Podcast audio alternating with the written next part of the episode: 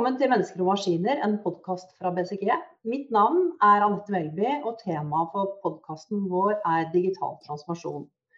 Og særlig fokuserer vi på de, de, tre kritiske elementene i en digital transformasjon. En tydelig strategi, purpose, mennesker og teknologi. Og det vi kommer til å fokusere på spesielt i dag, er temaet strategi.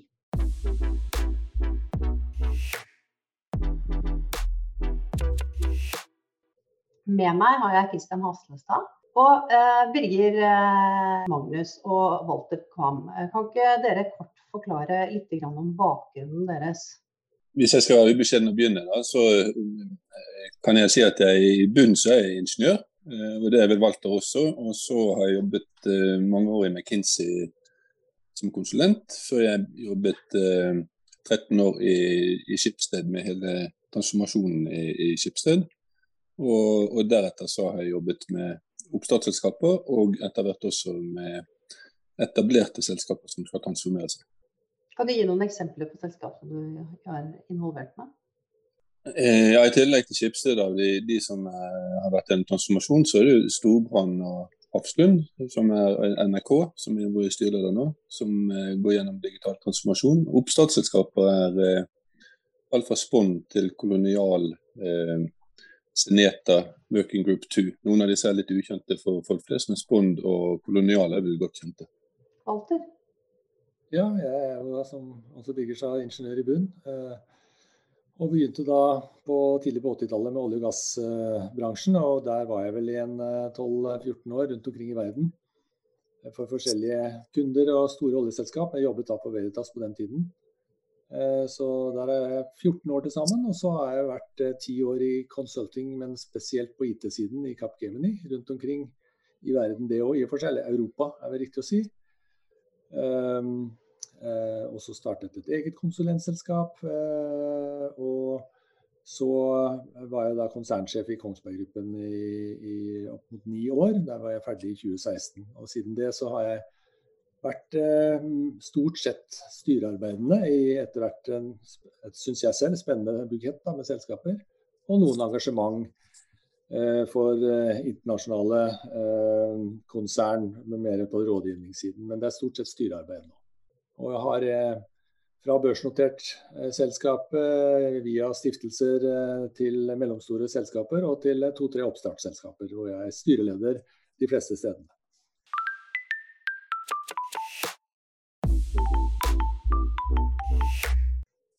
Dere har en spennende reise begge to, hvor dere har gått fra, fra etablerte selskaper til, eh, til, å jobbe med, eh, også med, med, såkalte digital native-selskaper.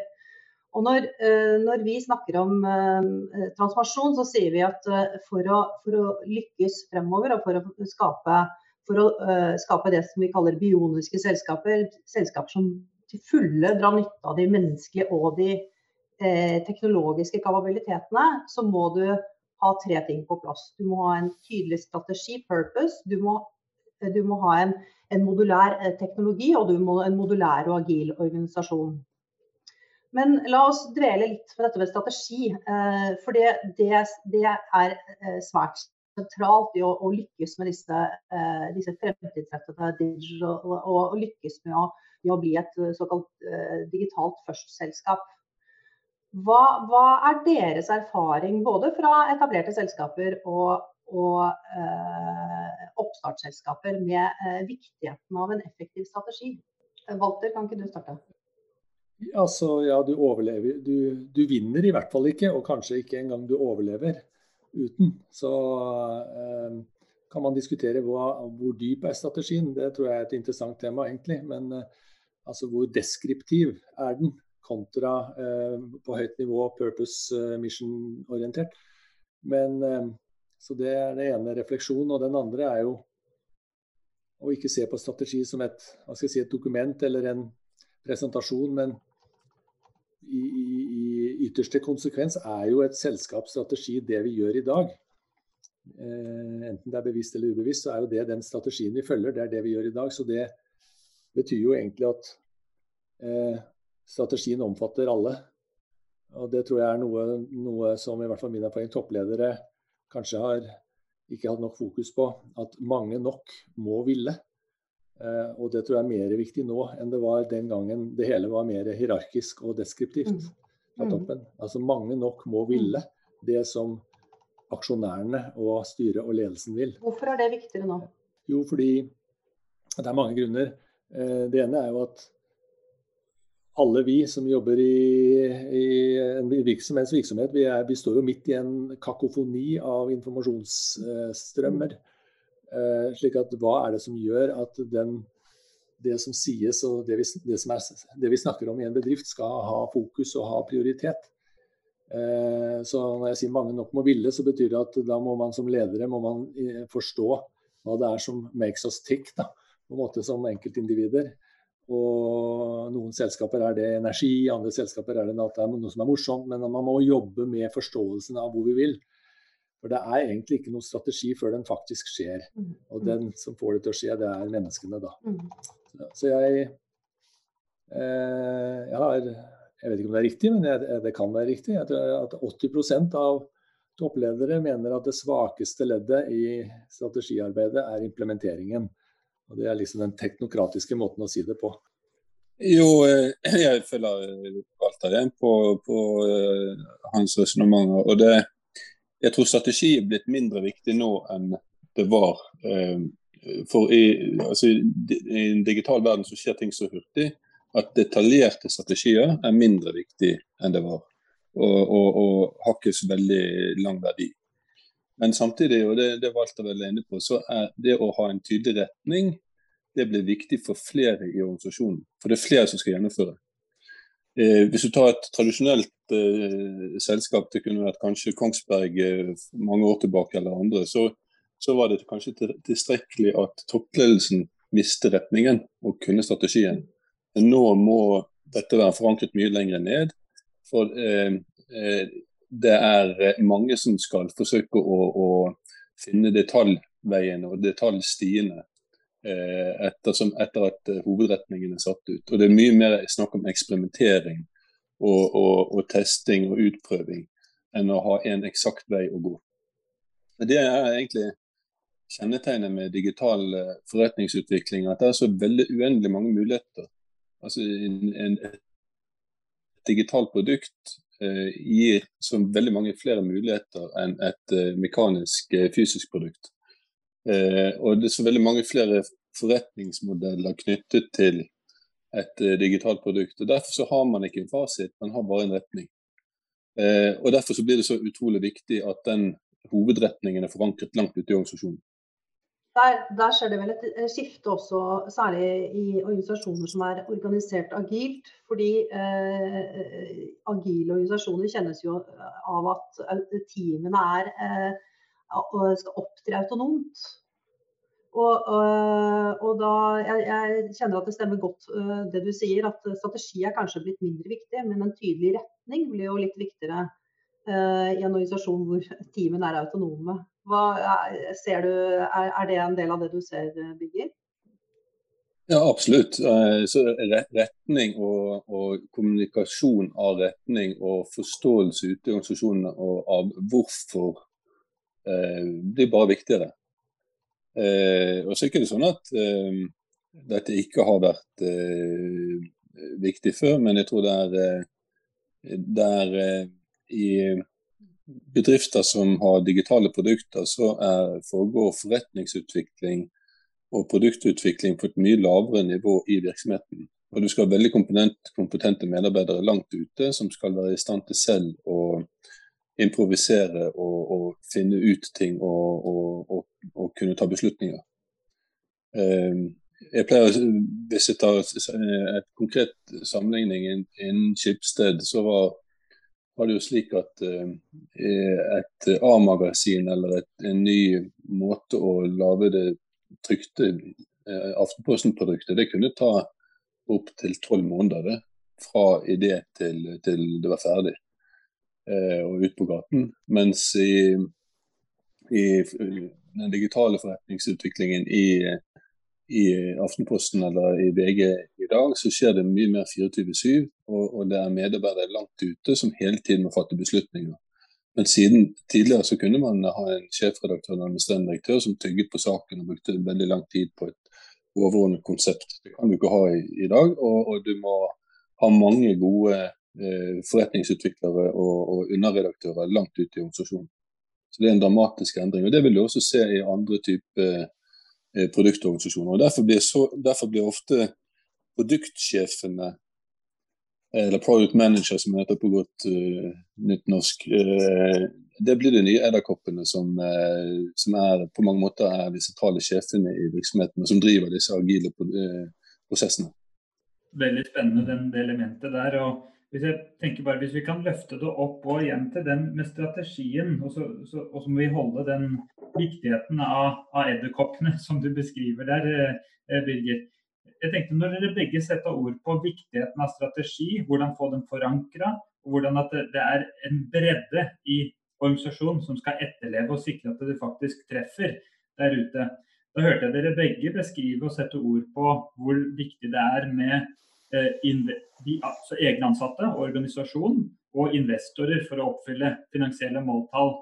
Eh, vi ser jo ofte at det er viktigheten av samfunnsbidrag og hvordan digitalisering er også med på å drive en større verdi på, på til samfunn.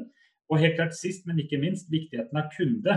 Og hvordan kunde er helt sentral i definisjon og, og utvikling og utforming av strategi. Hvordan er det dere, eh, og med deres erfaring, tenker på tvers av de interessegruppene, ansatt, eh, kunde, samfunn, investorer. Hvordan er det dere ville beskrevet deres prioriteringer og eh, sammenhengene av de, den kombinasjonen av interessenter som utgjør hvordan en strategi treffer godt. Ønsker du å eller Hva er dine refleksjoner der, Walter, og så høre fra deg gjerne, Birger? Jeg kan jo eh, begynne eh, litt på det. Altså, jeg tror vi snakker om å utvikle en bedrifts tankesett. Dvs. Si inklusive strategi og mission. Eh, i mye større grad i en bred dialog, vil jeg kalle det, mellom alle de stakeholderne som du nevner der. Altså, det er klart at Ansatte har en helt spesiell rolle, for det er de som skal eksekvere på den. Og derfor må ha enda mer dialog. Men det å utvikle tankesettet for bedriften i en dialog som omfatter kunder, ikke minst, men også underleverandører, og andre si, partnere, og den type ting, det, det er nødvendig av veldig mange grunner. En av de er at den blir bedre av det, selvfølgelig. Eh, så, eh, så igjen da, så er det kommunikasjon, og, og da tenker jeg ikke nødvendigvis store workshops og den type ting, men med regulære mellomrom ha denne samtalen på tilstrekkelig høyt nivå i, i organisasjonen, altså med toppledelsen eh, i, i, hos f.eks. en kunde. Slik at man får innspill og man får den der tillitsplattformen som gjør at eh, de tar seg bryet med å gi også konstruktiv kritikk. Da, ikke sant? Uh, så er det jo ikke sånn lenger at den ligger fast fra år til annet, eller uh, treårsplan eller femårsplan. ikke sant? Dette er jo noe som er mye mer dynamisk. slik at man skal hele tiden hente inn innspill og kommunisere rundt det. Um, og så har jeg lyst til litt til det forrige punktet også. Vi snakker mye om behovet for en høynivåstrategi eller en purpose Gi en retning. Eh, jeg vil også legge på bordet og slå et slag for det som mange kaller bedriftskultur. Eh, for det er jo eh, litt hva Nei, det er litt hvordan vi, vi, gjør det. Hvordan gjør vi det hos oss? Så jeg tror det er kombinasjonen av en godt formulert, gjentatt og debattert innad i organisasjonen retning, på hvor vi vil med selskapet, med tilsvarende en kontinuerlig samtale om hva er egentlig eh, vår kultur, hvordan gjør vi ting hos oss. For De to tingene sammen trengs i mye større grad i en agil eh, struktur enn i en struktur hvor du kan styre det hele, da, som kanskje man gjorde mer i gamle dager. Veldig spennende akkurat den der. Hvis jeg bare kan knytte oppfølgingsspørsmål. Det hører du sier og der, Walter, det med viktigheten av bedriftskultur og ta det inn i strategiarbeid er nå enda viktigere, gitt hvor høyt og raskt alt endrer seg med tanke på digitalisering, enn det du gjorde også 10-15 år siden. Ja. Hvordan tenker du på det, Birger? Er det noe du kjenner igjen fra din side også? Eh, absolutt. Og eh, jeg tror noe av det viktigste jeg jobbet med i Skipsted da vi eh, forsøkte å få til en digital transformasjon, det var organisasjonsutvikling. Det har jo mange komponenter, og kultur er kanskje det aller viktigste. og eh, Det å for Skipsted å få en, en, kultur for innovasjon, for nyskapning, for entreprenørskap, for å ta risiko for å ikke bli målt på feilene, men at du, ble, at du faktisk turde å gjøre ting. Jeg tror det var veldig viktige komponenter for at Skipsted eh, har utviklet seg bedre enn andre tilsvarende medievirksomheter. Eh, så handler det selvfølgelig om, om, om eh, strategi for talentutvikling, for medarbeiderutvikling, for kompetanseutvikling osv. Mange, mange komponenter knyttet til, til organisasjonsutvikling. Men jeg tror det er eh, Eh, altså Hvis man går, tar et skritt tilbake og sier at eh, visjonen er viktig, eller hovedretning er viktig, så er jeg helt enig med at det neste punktet er mer det hvordan. Eh, og, og, det er nesten det jeg har brukt mest tid på i de virksomhetene jeg har jobbet med. Det er ikke, det er ikke, det er ikke hovedretningen, det er mer hvordan. Uh, I NRK nå når vi uh, har ambisjoner om å bli i verdensklasse på, på digital utvikling og digital virksomhet, så handler det 80-90 eh, om hvordan. Å få en organisasjon som er agil. Og jeg vil tippe at det er akkurat det samme i, i, i Skipsted og andre tilsvarende store virksomheter. Det er, det er ikke så vanskelig å, å, å, intellektuelt forsøke å definere en retning for hvor virksomheten skal. Det er mye vanskeligere å få de riktige medarbeiderne til å jobbe sammen og, og, og, og gå den veien, og gå den hurtig og smidig. Hvorfor, hvorfor er hvordan så mye viktigere? Jo, for det er en, en stor endring i arbeidssettet. Altså det, dette handler om å eh, få mer energi og hastighet ute i organisasjonen enn tidligere. Mm. Eh, det handler om å kutte lag i organisasjonen, og det handler om at verdiskapningen og nytenkningen i stor grad skal skje et stykke ut i organisasjonen. Det er ikke sånn at du kan ha, ha eh, en, en strategitenkning i en stab sentralt som forteller hva du skal gjøre. Du må ha de beste folkene ute og være nær kunde og konsument. Og, og, og de må drive forretningsutvikling løpende. Og, og, da må du hjelpe de å være både kompetente og ha mye energi, og ikke ha for mye barrierer eller friksjon i sitt arbeid. Så Derfor så blir eh, for en konsernledelse så blir jo det veldig mye spørsmål om tilrettelegging for eh, de som jobber med disse kjerneprosessene det å utvikle produkter og levere produkter på en daglig basis. Tilbake til de interessentgruppene også, for ditt perspektiv. og Birger, hvis du tenker viktigheten av kunde inn i utforming av strategi, og så er vi nå veldig inne på hvordan eksekvere på strategien, som er jo det som realiserer verdien. Men kunde og samfunn, eh, hvordan er det du har lagt vekt på det i de selskapene du har vært eh, leder og i styret for? Ehm, for å legge til rette og utforme best mulig strategi? Ja, hvis man starter med, altså hvis temaet er digital transformasjon eller digital, overordnet digital eh, tilpasning eller transformasjon, så starter jo med å forstå hva er det vi kan gjøre annerledes i en digital verden for en kunde, eller for en kundegruppe.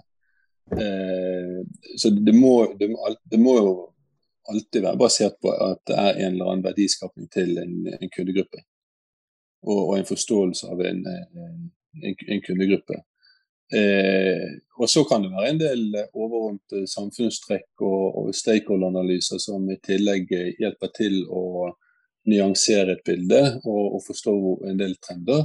Men du må eh, du, du, kan ikke starte med en bred stakeholderanalyse. Du må starte med den eh, litt mer spissete hva er det vi kan gjøre annerledes for, for gitte kundegrupper. Og så kan du eh, bredde det ut og ta, ta, ta også andre typer hensyn. Men jeg tror det er eh, du, du, eh, du starter skjevt hvis ikke du har et veldig tydelig kundefokus. For å følge opp det litt, Er det, er det sånn at denne, sant, hvordan, hva bedrifter har sett som stakeholdere i strategiarbeidere, har det endret seg over tid? Har det, har det, liksom, har det skjedd et skifte der? Opplever du det? Ja, det, det, er jo dramatisk. at du ser hele det grønne skiftet nå, sånt, så er jo det en dramatisk endring. Så Samfunnet er jo mye, mye mer sammensatt og komplisert nå enn det har vært. og det å lese dette terrenget er uh, mye mer krevende enn det var for uh, 10-15-20 år siden. Så, um, så det, Når jeg sier at man må starte med kundeperspektivet, så betyr ikke det at det andre er mindre viktig. Det er blitt mye viktigere enn det har vært, men fremdeles så er det det å forstå hva bedriften kan gjøre i forhold til å oppfylle et kundebehov, er, er det primære. Jeg bare, bare legge til at, at kundene er jo også i den samme, befinner seg i den samme verden som en selv, slik at det er usikkerhet der òg. Og Det er vel kanskje det som er eh, hvorfor vi tenderer til å si at retningsgivende strategi, purpose, mission, å bruke mer tid på det enn man har gjort før. Og dette med bedriftskultur også. Fordi eh, hvis du sitter i en, i en, i en ledergruppe, i, i, hvert fall i et relativt stort selskap, så er det klart at det er ingenting du ønsker mer enn at uh, viktige beslutninger skal tas lengst mulig ute i organisasjonen. Uh, med, med, en organisasjon som er trygg på at dette er sånn uh, rimelig trygt å gjøre. Um, og, og, da må man ha brukt tid på å bygge den tryggheten i organisasjonen. og Det er derfor um, du kan si den interne stakeholderen det er jo den samme som før, men den har fått mye mye viktigere rolle å spille. Vi, vi, vi, ser, vi ser, jo en, en, til en viss grad en forskjell på etablerte selskaper og eh, digitalt først-selskaper som Amazon, Kolonial og Det kan se ut som om eh, disse digital, heldigitale selskapene, de er jo, flere av de er jo veldig eksplisitte på at de er customer obsessed, at de er besatt av kunden. Mens, mens, etablerte selskaper, eh, de, fordi de har levd innenfor veldig rigide eh, markeder hvor, eh, med veldig rigide eh, industrigrenser og veldig eh, oversiktlige konkurranseforhold, så har de egentlig ikke trengt å være så kundeorienterte. De har egentlig vært mer opptatt av å selge et produkt og, og mersalg. Eh, det, eh, så, så er, eh, det, er, helt åpenbart at sustainability og bærekraft har blitt mye viktigere. Men for meg så kan det nesten se ut som om, om, om kundeperspektivet også har blitt dramatisk mye viktigere for å lykkes pga. lavere inngangsbarrierer og at vi konkurrerer digitalt. Men det er kanskje litt forskjell på industriene der. Jeg tror kanskje konsumentindustriene er, eh, er enda mer eh, utsatt. Men Walter, det var spennende å høre hva du tenker om det. Nei, det er jo konsumentindustriene dette har vist seg først, og det er der man har lært mest i de skal vi kalle det 10-15 årene, eller kanskje ikke fullt så mye engang, som dette har pågått. Men nå er det jo for full fart på vei inn i business to business også. Og En av grunnene til det er jo at vi er jo alle mennesker, vi er jo alle konsumenter. Så det, det som vi forventer å finne av tjenestenivå, av interfaces osv. Eh, som konsument, det forventer vi å finne i business to business også. Så kundegrensesnittet, det øverste laget i disse veldig tunge, klassiske industriene, det forandrer seg jo veldig fort nå med kompetanse fra B2C. Veldig spennende tematikk, ikke minst for Norge, hvor vi kanskje ikke har så mye B2C. Eh, men så er det klart at når du sitter og leder et stort selskap, så, så er det mye å ta hensyn til. Da.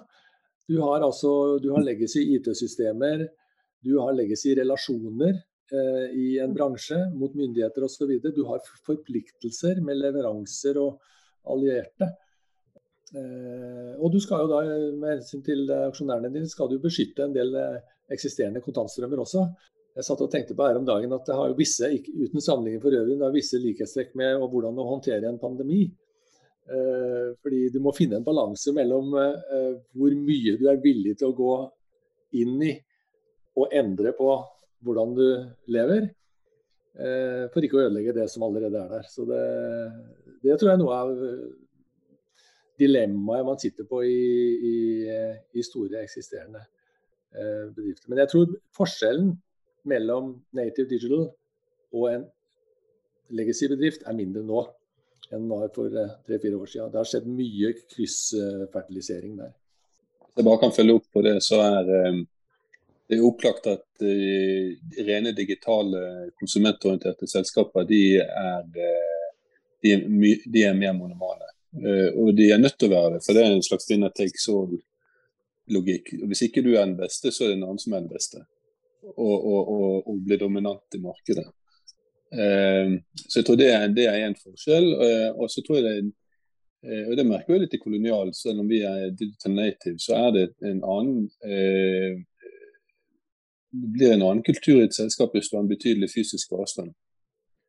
Hvis du kun er digital og utvikler digitale tjenester, så er det lettere å være lettbent og, og, ha en mer entydig digital kultur enn hvis du er i en virksomhet som har betydelig fysisk avstand. Eh, og, og, Kolonial er jo et sånt selskap sant, hvor vi er nødt til å En av våre viktigste suksesskriterier når vi har bygget opp selskapet, er å ha en effektiv lagerhåndtering og fysisk varestrøm eh, inn på lager og hjem til kunde. Og Det gjør noe med selskapet i forhold til det å drive en, en alminnelig sånn skrøm-agil eller eh, extreme programming, eller hva de heter, de forskjellige agile metodene. Eh, og bare drive det i, i, i produktutvikling og tjenesteutvikling. Eh, og Derfor så tror jeg det er, eh, hvis man tenker på de store etablerte selskapene, så tror jeg de selskapene som er etablert og som også i fremtiden må ha en betydelig fysisk avstand, har mye mer krevende utfordring. For de må, de må både opprettholde den kulturen som sørger for at det er en effektiv leveranse av det, samtidig som de får en eh, digital tenkemåte og agil forretningsutvikling. Og Det å ha én fot i begge de verdenene, det er, det er krevende.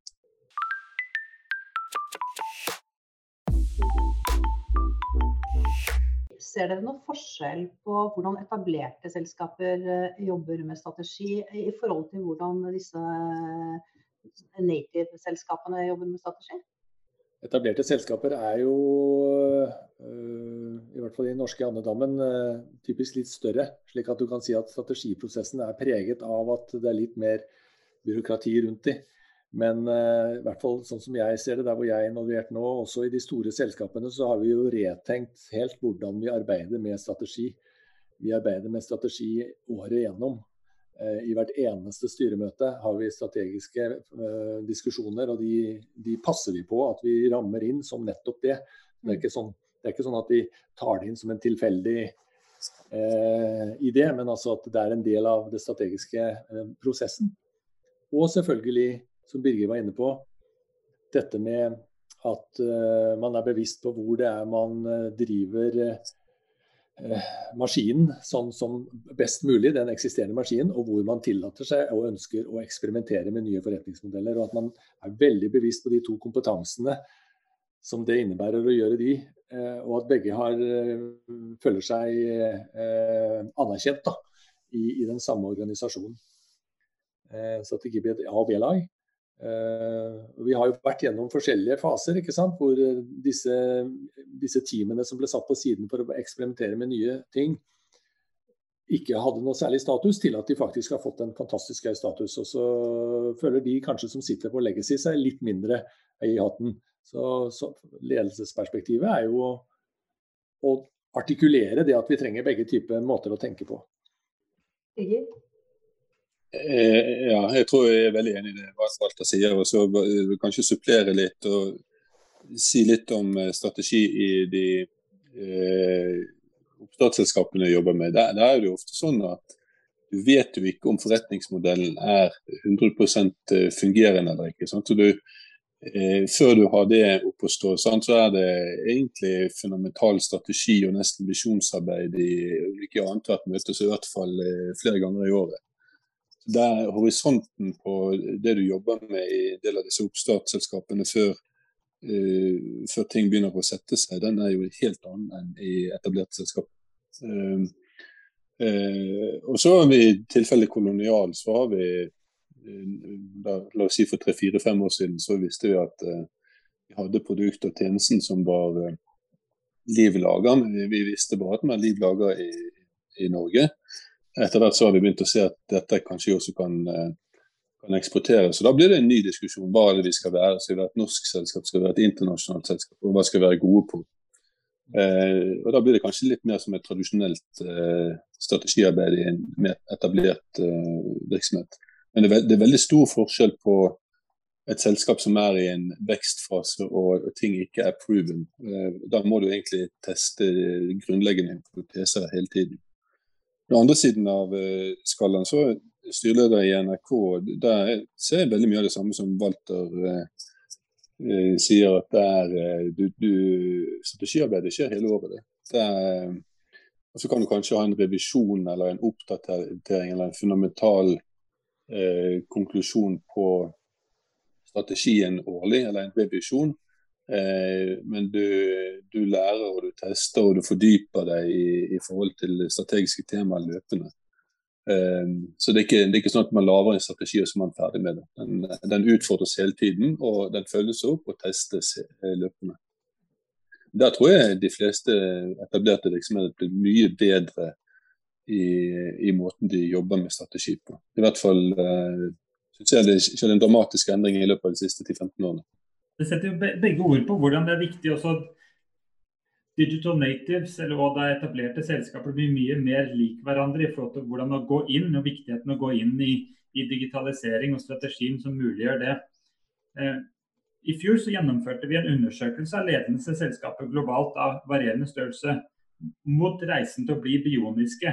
Og den ambisjonen som Anette beskrev i starten, hvor virkelig er full sammensmeltning menneske og teknologi. Og Her viste det seg at de som var helt ledende på å bli bioniske, hadde en dobbelt så høy selskapsverdiøkning per år i forhold til de som lå langt bak. Og Det ble helt klart en tydeliggjøring av den verdien som også en må ta inn over seg og digitalisering kan gi. Er det noe som er overraskende for dere, eller hvordan dere kjenner inn i det, i forhold til hvordan dere setter retning i funksjonene som, som styrene dere sitter i i dag? Nei, det, det, For meg er ikke det overraskende. Jeg synes uh, det, det samsvarer med veldig mye hvordan jeg har prioritert styrearbeidet i, i, forhold til dette. Det, uh, det handler 80% om å få en organisasjon på plass. Uh, og så er ikke styrene så veldig flinke til å diskutere organisasjonen. Altså, vi har ikke begrepsapparatene fullt opp å stå på det. men det nå tar jeg NRK som et eksempel igjen. da, så eh, Hvis NRK skal lykkes i en digital verden mot Netflix og mot andre internasjonale konkurrenter, så, så handler det veldig mye om å få en lettbent organisasjon som jobber på riktig måte. Så er spørsmålet hvor god er et styre til å ha diskusjoner om det. Eh, og hvor god er styret til å gi inspirasjon om det, og hvor god er styret til å måle fremdrift i den type eh, transformasjon. Eh, jeg syns det arbeidet er nokså krevende.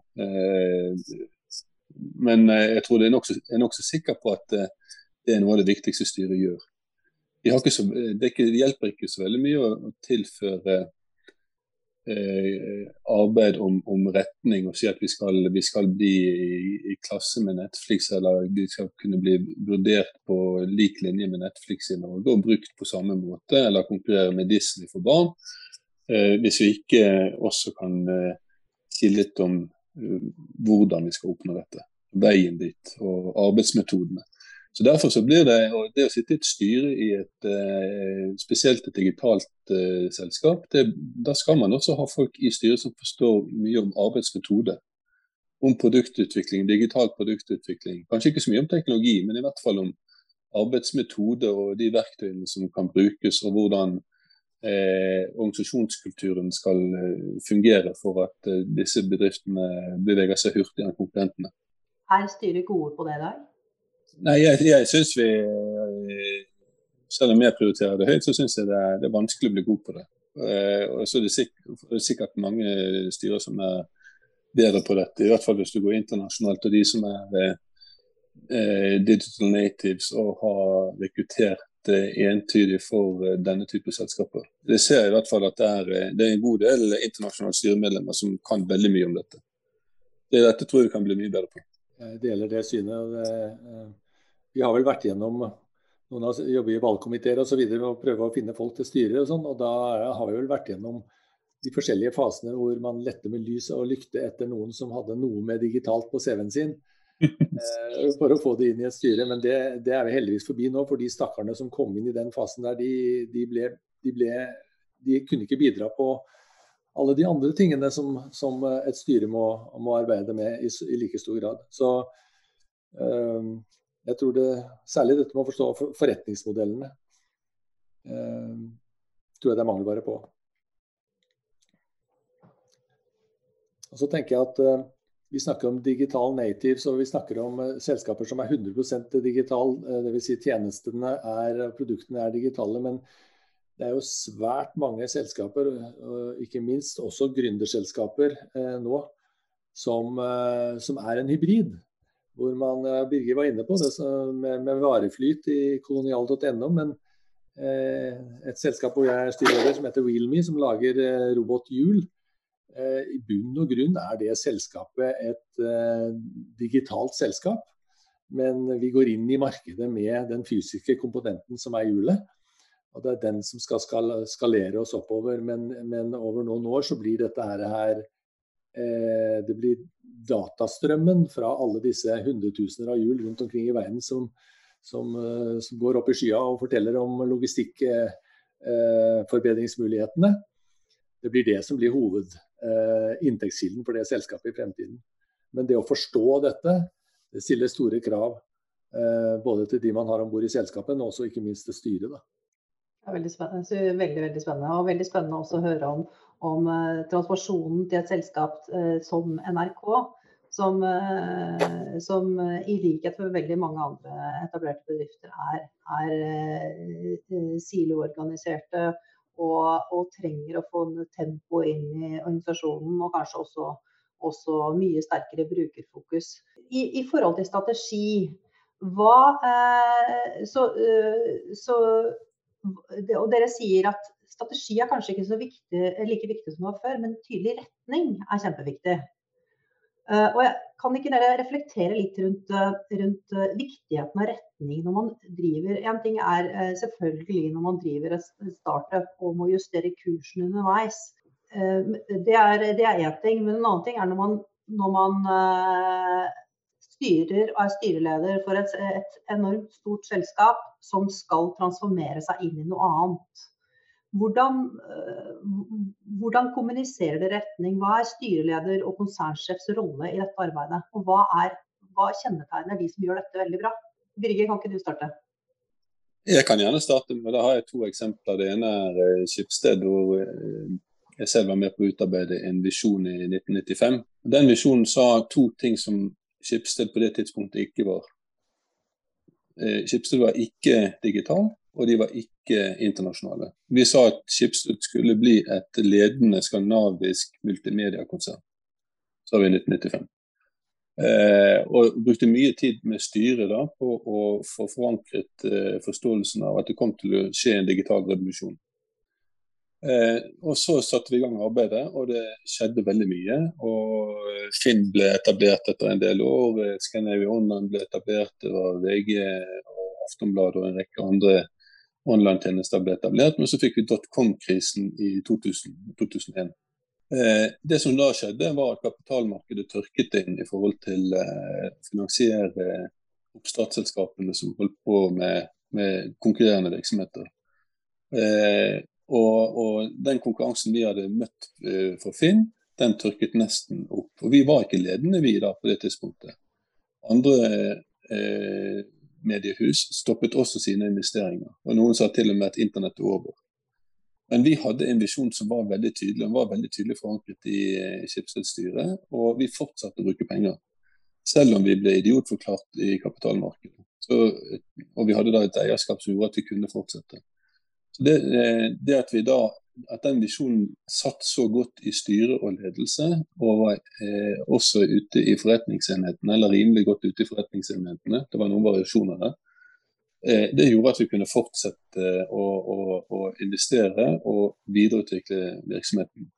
Jeg vil si at Hvis ikke den visjonen hadde vært så tydelig og godt forankret, så hadde Schibsted aldri kommet dit eh, hvor vi kom. Det eh, kan høres veldig naivt og enkelt ut, eh, men det at det lå i bånn, det, det, var avgjørende for å, å bringe oss gjennom eh, dotcom-krisen. Eh, et annet eksempel jeg kan gi, det er, eh, som ikke er like dramatisk, men som i hvert fall er en, en tydelig retningsendring. det er Da jeg var styreleder i Storebrand, så ble det etter hvert tydelig at vi kom til å måtte endre fra å være et selskap som betjente store bedriftskunder med kollektive pensjons produkter til å bli, og, basert på en gammel analog modell, til å bli et digitalt selskap som betjente individer, 24-7 med deres individuelle sparekonti og, og, og, pensjonskonti. Det er den transformasjonen de er oppe i nå. Så en dramatisk omlegging av, av, av selskapet. Eh, og Det blir kommunisert tydelig, ut til, og spesielt til ansatte. Det er kanskje først og fremst ansatte som trenger litt tilbake til Walters kommentar. Ansatte trenger å forstå dette. Sant? De trenger å kjøpe inn i det, og de trenger å forstå at uh, der hvor de var, der kan ikke de være i fremtiden. Og så trenger de å bli motivert for å ta de store stegene. Og så trenger du også samtidig å kommunisere dette til kapitalmarkedet. For det kan jo være at du skal gjennom en, en periode hvor du må investere store deler av overskuddet eller kontantstrømmen din til å utvikle dette nye markedet. Det er ikke gitt at du kan uh, løpende eh, opprettholde Eh, utbyttegrad og, tilbakebetaling til, til, aksjonærene. Det kan være at du kommer gjennom en tørkeperiode. Så Det å håndtere eh, en sånn transformasjon med en krever en veldig tydelig visjon, og at den visjonen er forankret i veldig mange ledd.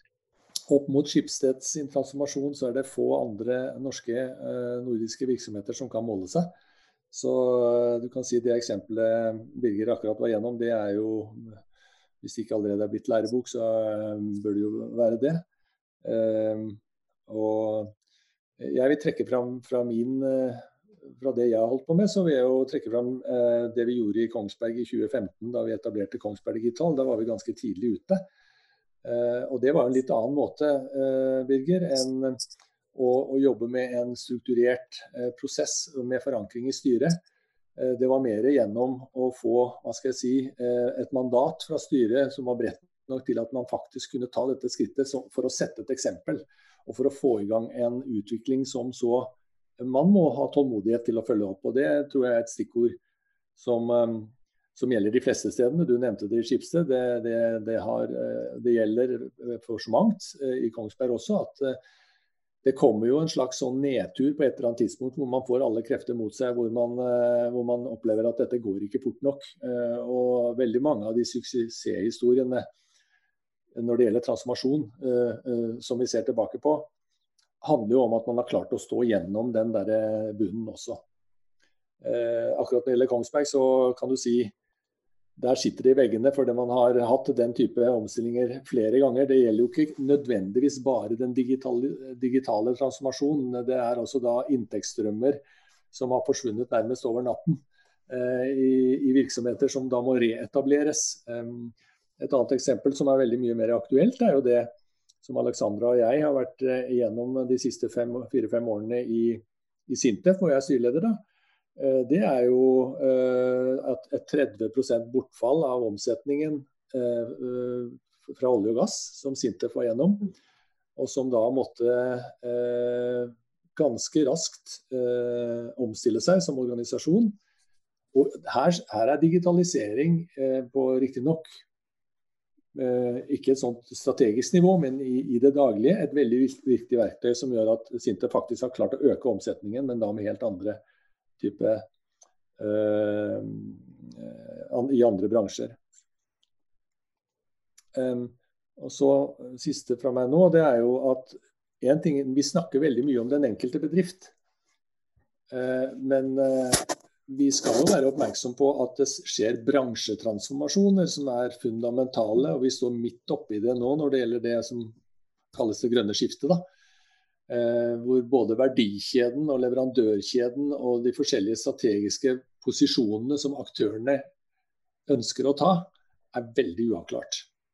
Eh, så at eh, det gjelder jo også i, på samme måte så gjelder det jo da å ha den agiliteten i den enkelte bedrift, at man tilpasser seg det, det dynamiske bildet som endrer seg rundt seg. da. Eh, hydrogenbedrifter, ammoniakk, eh, vindkraft, eh, kraftinfrastrukturen i Norge. Det er veldig mye som nå er på en måte kastet opp i, i, i luften, og som alle vet vil lande på en annen måte. Og, og, og kapital, verdens kapitaløyene er på, på oss. Det tilflyter kapital til Norge for å drive den innovasjonen og den utviklingen. Det er veldig spennende, syns jeg. Men det er veldig uavklart. Er styrene dyktige til å ta den dimensjonen opp i seg? At, at bransjegrensene endrer seg? det er jo sånn med styrer at de er jo ofte ikke de første til å innse ting. Man sitter litt lenger unna fronten. Eh, slik at man har et handikap. Eh, man møtes sjelden. Man, eh, man, har kanskje ikke eksponering til, til, den samme bransjen mellom styremøtene. Så det er vel grunn til å anta at styrene ligger etter. Ikke alle, men, noen, men de fleste. Her, her, har kanskje Walter og jeg en liten fordel ved at vi også jobber med oppstartsselskaper eh, i litt forskjellige sektorer. og Da åpner du plutselig opp horisonten litt og kan se litt andre måter å gjøre ting på enn de etablerte kan gjøre. Så for meg i hvert fall det vært en veldig fordel å, å jobbe i litt forskjellige bransjer, og også i oppstartsselskaper. For da blir det du får veldig mye inspirasjon som er relevant for de store selskapene. Kjempespennende eksempler dere nevner begge to. og helt klart Den linken inn mot det grønne skiftet hvordan digitalisering er å muliggjøre, det, det, er noe som Vi har ikke svaret enda, som du nevner, Walter, men det er nok noe som kommer til å være på toppen av agendaen i, for Norge og, og, og selskapene her framover. Jeg tenkte litt tilbake til den undersøkelsen som vi gjennomførte eh, i fjor. Der var det jo òg i forhold til det som kjennetegner ledende og, og, eh, bioniske selskaper, og de som ligger lengre bak. Og Da var det fem barrierer som kom tydelig fram, som de ledende klarte å navigere rundt og løse. Og Det var jo tydeligheten rundt digitalisering, bidrag, bidraget til strategiske ambisjoner. For liten grad av eksperimentell arbeid. Piloter, speedboat som kan drive og lære tredje som kom fram, var operativmodell som ikke understøtter det digitale arbeidet. Så den arbeidsmåten, som dere òg begge nevnte. Kultur kom også veldig ty tydelig fram. F.eks. en høy en risikovilje, som er viktig for å gå inn i strategi- og digitaliseringsarbeidet. Og sist, men ikke minst, som også ble nevnt av deg, Walter, er den IT-funksjonen og digital modenheten av den kjenner dere igjen i, i de fem, men òg hvis dere fra deres perspektiv er hvor er det dere vil begynt å løse for å kunne muliggjøre en bionisk reise og digitaliseringsreise fra deres perspektiv? Hvor er det dere ville begynt å sikre at dere i hvert fall må løse i starten? Eh, hva tenker du der, Walter? Oh, jeg syns jeg kjente meg igjen i alle fem. Ja. Det, det, var veldig vanskelig å velge en av de. um, Nei, fordi det er jo komplekst, og derfor så blir det jo mer enn én som regel. Det, jo, det, har man jo lært. Ehm, men jeg tror eh, jeg kommer stadig, Dess eldre jeg blir, jeg kommer stadig oftere tilbake til betydningen av enkeltindividet i, i, i enhver organisasjon, stor eller liten. Eh, og hvis man ser på seg selv som en leder da, og har den rollen å spille, så er det jo, eh, tenker jeg, der jeg ville begynt med å, og, og, da handler det jo ikke bare om å snakke med dem og sånne ting. Det handler jo om å sikre kompetanse og være veldig grundig i forståelsen av hvilke nye kompetanser du trenger da, eh, for å få til transformasjon. Um, eh, og så har jeg veldig stor tro på og Jeg husker ikke hvor det havnet i, i, i den analysen du refererte til, men, men eh, men det er så rart med det at uh, gode anekdoter de er uh, veldig befordrende på tankesettet hos oss alle. De gode eksemplene. Og Det betyr at du gir noen, du, du gir noen biter av organisasjonen ordentlig mulighet til å eksperimentere. Og selvfølgelig noen ganger mislykkes, men de gangene de lykkes, virkelig bygge rundt det for å drive, dra resten av uh, tankesettet mot hva what good looks like, på en måte. Ja. Synliggjøre de fyrtårnene også internt? Ja, ja. Det, men altså, er det faktisk nå, nå er vi tilbake til store organisasjoner. da. Det små organisasjoner ikke har som et handikap, men store har, eh, det er at um, den digitale transformasjonen oppleves uh, om dagen nå veldig klart i styrerommet, og, ikke, og, enda mer i toppledelsen. Også opplevelsen rundt de pilotene som går, og der hvor folk jobber med det. Men et av problemene er at de som er utenfor der, som ikke er involvert i det, de opplever ingen endring i store organisasjoner. Og det er eh, et, en, virkelig en, en, advarsel eh, på mange måter, fordi flere må, må gå kompetansehevingstrappen og det har blitt litt sånn Noen er med på det, mens de andre står og venter. Det, jeg, det, det, vet jeg etter samtaler med mange ledere i, i, i store bedrifter i Norge, at det er et, et, tema som eh, man ikke helt har knekt koden på. Og Walter, eh, innovasjon er jo et tema som du brenner for. Og, og behovet for å få opp um, innovasjonstakten er vel også noe bakgrunnen for at du initierte topp, uh, Toppindustrisenter og Digital Norway. Hvorfor, hvorfor er bakgrunnen for at du er så engasjert i dette temaet? Og hva er det, og hva er det Toppindustrisenter og Digital Norway skal løse for, tenker du? Ja, Det er flere spørsmål, da. Men det, ja. det er klart at uh, hvorfor jeg er opptatt av innovasjon, det, det, er sikkert noe Jeg hadde nær sagt genetisk uh, også det, da. Men, uh, men, altså, hvis vi ser rent, rent sånn forretningsmessig på det, så er jo innovasjon den eneste virkelige bestandige Eh, bærekraftige eh, plattformen i en, i en, virksomhet. fordi det er jo bare å se seg tilbake hvor mye som har forandret seg på kort tid. Så ser, så ser du jo eh, at de som har taket på det, de, de, utvikler både seg selv, men hele bransjer. Og det ser vi jo kanskje mer enn noensinne nå. Så jeg er opptatt av det fordi det er, det er avgjørende. Og så er det morsomt. Det er i grunnen ganske rart. Fordi i prinsippet så er jo innovasjon en voldsom voldsomt destruktiv kraft.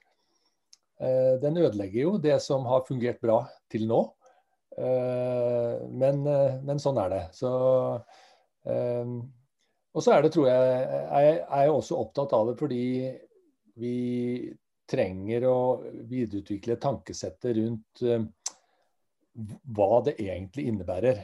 Tradisjonelt i hvert fall i de virksomhetene jeg har vært aktiv, da, så har man jo trodd, eller tenkt ubevisst kanskje, på at innovasjon handler om nye produkter hele tiden. Mens det jo handler om så langt mer, mye mer. Det handler om tjenestelaget, kundeopplevelse, det handler om strukturen i bedriften. Det handler om brandet, forretningsmodeller selvfølgelig. Så innovasjon er jo også egentlig eh, I prinsippet så er det jo bedriftens kontinuerlige forbedringsplan på mange måter. Mm. Så, bare, ja. bare hørte um, Jon Kåre Stene i Cognite i den første podkastepisoden vår. Han sa at han hadde holdt et eh, foredrag om lin. Og da var det en av hans eh, tilhørere som hadde sagt ja, men betyr det at vi, vi, eh, at vi må utvikle produktet vårt hele tiden, da? Uh, altså det var erkjennelsen han kom til etter å ha hørt uh, line, forstått mer om lean-metodikken. Og det er et eller annet veldig interessant i det, for bedrifter har jo egentlig stått veldig stabilt. De har hatt forretningsmodeller som har vart lenge. De har, eh, og det de egentlig har gjort, er å optimalisert bedriften for å levere bedre og bedre på den ene forretningsmodellen. Mm. Og det endrer seg jo veldig nå. Er det, eh, er, liksom, eh, er det det som gjorde at Er det den erkjennelsen som gjorde at, at Toppindustrisenteret og Digital Norway er, er kommet til, eller? Ja, det er vel egentlig det. Og det er, det er, det er jo sånn at uh, uten at jeg er noen historiker i det hele tatt, så er det jo sånn at man, man behøver ikke være historiker for å, å se at uh, fra tid til annen så oppstår det situasjoner som stiller spesielle krav til uh, enten en bedrift eller en bransje eller til og med et land. da, for å gripe muligheter og retenke det hele. Og det var jo sånn vi tenkte når vi starta Digital Norway. At nå er det, nå skjer det. Nå skjer det akkurat en sånn prosess er vi inne i nå. Og, jo, og, det er jo ikke bare et øyeblikk eller et år, men det er over flere år. Og, og nå er det jo hva skal jeg si, kombinasjonen av digitalisering og det grønne skiftet som jo i sum er denne eh, enorme muligheten, men også selvfølgelig trusselen. Og da handler det om å øke takten, og det var sånn vi tenkte. Vi må tilføre kompetanse til flest mulig, fortest mulig, slik at de er i stand til å se mulighetene og, og dra nytte av dem. Eh, og så må vi eh, sørge for å skape noen arenaer og plattformer hvor folk, dvs. Si bedrifter, av forskjellige slag, på tvers av sektorer og bransjer, da, finner hverandre. For eh, akkurat det vi snakker om når, knyttet til digitalisering, det er jo det, det, reiser bedre mellom bransjer og enkeltbedrifter enn det kanskje veldig mange er vant til. Man er vant til å se på sin egen bedrift som en velfungerende silo. Eh, men her er det altså muligheter, løsninger, kompetanse som reiser veldig lett mellom bedrifter og sektorer. Og da må man jo komme i kontakt med dem, de andre. Så Det var bakgrunnen for at vi etablerte det. Og, og nå, jo, nå, er jo dette tre-fire år siden, og nå ser vi jo det som Digital Norway jobber mest med nå, i tillegg til denne eh, ekstreme SMB-fokusen som vi har, det er jo grensesnittet mellom offentlig og privat sektor. Og i forhold til digitalisering, og ikke minst verdiskapning på data. da. Eh, så, så, igjen så handler det da om dette å finne hverandre og begynne å, å, å å utnytte kompetanse og løsninger på tvers. Er interessant sammenhenger sammenhengen mellom eh, digital transformasjon og innovasjon. For det vi ser er at veldig veldig digitalt modne selskaper, eller det vi kaller bioniske selskaper, er, de er jo strategisk agile. Altså de, de, innoverer i forkant av kundens behov, før, før kunden har sagt uh, uttalt eksplisitte behov. Og de bygger ofte helt nye markeder, som du sier, i de grenseflatene mellom bransjene ofte. Hvor, hvor, opplever du norske bedrifter i dette landskapet her? Liksom, hvor, hvor, gode er vi på denne? Hvor godt, hvor godt har vi trimmet denne muskelen? Nei, vi er eh, Ja, det er et sammensatt, eh, syns jeg, da. Det er sammensatt i den forstand at vi er ganske gode på å finne hverandre i dette lille landet. Og, og, og det er en sånn, denne tillitsplattformen som vi har, gjør at vi, vi behøver ikke å kjøre svære due diligence-prosesser på hverandre for å tørre å begynne å snakke sammen. Eh, så det er veldig veldig positivt i Norge, og det ser vi ganske mye, syns jeg, eh, nå. På den annen side så er jo industristrukturen i Norge, næringsstrukturen i Norge sånn at tradisjonelt har det vært eh, mye business to business-virksomhet. Og, og, og lite, få virksomheter som er virkelig blodtrimmet på det globale kundeopplevelsestversnittet, da, hvis vi skal kalle det det. Og brukerpreferanser i, i, til sluttbrukeren. Eh, B2C-type. Eh, avansert B2C. da, Og digital, eh, digitale bedrifter i den sammenheng. Så der har vi en sånn eh, der, der, trenger vi å, å, å, ha begynt, i og for seg, men det, vi, vi trenger å speede opp det som jeg syns er positivt, at vi ser en, en, en, del veldig klassiske, tradisjonelle norske industribedrifter, B2B-orienterte, som har fått inn mennesker med denne eh, ekstreme kundegrensesnittsflaten, eh, kompetansen, i virksomheten sin, og begynner å bygge tjenestelag, eh, digitale tjenestelag, selv om de er kanskje tungindustri i utgangspunktet. Eh, så det skjer noe, eh, men eh, vi, må, vi, vi har et lite handikap, for vi er ikke en sånn B2C-nasjon, mener jeg. Og den der, den, La oss komme tilbake til og det du, du tenker på sånn konkrete ledende selskaper også, som går inn i den B2B og, og, og transformasjonen eller overgangen til B2C, som du nevner der, Walter. Jeg tenkte opp for, for deg, Birger. Du, en, du sitter jo også veldig i den erfaring med BBTC. og Det er jo helt klart konserndirektør Skipsted, styreleder NRK, Spond, kolonial.no, Norsk Klimastiftelse, som har den linken til bærekraft som du var inne på, Walter. Um, hvis vi tenker fra ditt perspektiv innovasjon, og hvordan du har sett om mer de etablerte selskapene og digital native-selskaper, det vi kan kalle nye selskaper. Hva er, det, du har sett har vært forskjellen på hvordan innovasjon drives på tvers av disse selskapene, og med tanke på akkurat det du nevnte, Walter, med den B2C-fokuset, og kunne ivareta det? Nei, det, For meg er det opplagt at de som eh, starter fra scratch, altså eh, digital natives, at de er, de er uh, hurtigere, kjappere og, og, og, har innovasjon i kulturen sin på en helt annen måte enn de etablerte. De etablerte har mye de skal uh, forandre. og så tror jeg det er i, bare For å kommentere i tillegg til uh, det dere allerede har sagt, så er det Eh, det er en veldig stor forskjell på de som har fysiske eh, varekjeder og de som ikke har fysiske varekjeder. Og Hvis du er etablert og har en fysisk varekjede og skal forsøke å bli så agil og innovativ som eh, disse nykommerne er, så er det veldig krevende. Sant? For du, du, skal både spille forsvar, ta vare på det du har, du skal ta hensyn til din fysiske varekjede, eh, og du skal være innovativ og, og, og lage nye eh, agile prosesser på toppen mot, uh, mot kunder. og det, det, For disse tingene til å henge sammen, det tror jeg er krevende. Eh, Fra mitt ståsted så er eh, eh, syns jeg det jeg ser av eh, nyetablerte selskaper, og spesielt selskaper som da er eh, ikke har fysiske varekjeder og varestrømmer, de, de beveger seg eh, mye hurtigere nå enn eh, for en fem til ti år siden, og har metodeverktøy og verktøykasse som er eh, helt annerledes enn en for en ti år, ti år tilbake. Eh, så jeg syns det, det, skjer veldig mye spennende, og, og, det er eh, veldig mange bedrifter som forstår dette. Men fremdeles så er det sånn at eh, hvis du spør ledelsen og toppledelsen i en, en bedrift om hvordan ser innovasjonsstrategien ut, eh, og hva, hva, er refleksjonen rundt det, så for de etablerte så er det, det er ikke så lett å få gode og tydelige svar. Det er mye lettere å få det fra nykommerne. Eh, også fordi at de er mindre sammensatt og har en tydelig idé. Altså de, de, de, de, jobber med den ideen sin, eller de får ideene eh, de har på, på beddingen, og videreutvikler det. Og det er mye lettere å være agil da enn når du skal eh, få et helt system til å, å, å begynne å bevege seg. Og, og Hva er det noen konkrete ting du, du, tenker etablerte selskaper bør tenke på der for å unngå at du innoverer for å sysselsette en eksisterende verdikjede på en måte, og kunne tilstrekkelig innovere? Hva er det du har sett være noen sånn konkrete ting som eh, en kan trekke seg bort fra det? og tilstrekkelig?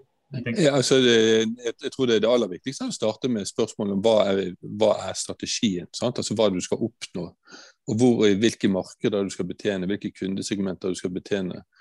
Eh, så Det må jo være et samspill mellom styre og ledelse for, for å få en tydelig prioritering av hva, hva gjør vi eh, av investerings... Eh, hvilken, hvordan bruker vi vår investeringskapasitet på, på nye prosjekter. Eh, så tror jeg at det er generelt så tror jeg det alle bedrifter eh, må få opp innovasjonstakten også på etablert virksomhet. Um, for det der, hvis, ikke du, hvis ikke du også jobber med den du kan kalle en hverdagsinnovasjon eller inkrementell innovasjon på etablert virksomhet, så får du ikke opp ideene i tilstrekkelig grad. Så du må, du må få alle med. Men eh, man skal, når man skal drive omstilling i store bedrifter, så, så må man prioritere. og da, da, må du starte fra toppen og så må du forsøke å beskrive er, eh, hvor er de store mulighetene ligger, og hvor er de store truslene ligger. og Er vi gode nok til å adressere det. Mm. Og I noen tilfeller så vil du da måtte eh, sette ut deler av dette innovasjonsarbeidet utenfor eh, en linje. For du, du, kan ikke forstyrre linjen. Eh, du må gjøre noe som er, er, er på siden for å få det til. Så svaret her er ikke Det, ikke, det finnes ikke én måte å gjøre det på, men jeg tror du må, du må starte fra toppen og ha en, en tydelig idé om hvor, eh, hvor, er det vi skal bevege oss. Og så tror jeg det, eh, og det kan vi sikkert komme tilbake til, jeg tror alt innovasjonsarbeid krever også godt organisasjonsarbeid. Og forståelse av hvordan organisasjonen funker. Og Veldig mye av dette handler om, om kultur nysgjerrighet er jo helt avgjørende for å få og det å en nysgjerrig og lærende organisasjon eh, er jo helt avgjørende for til innovasjon over tid.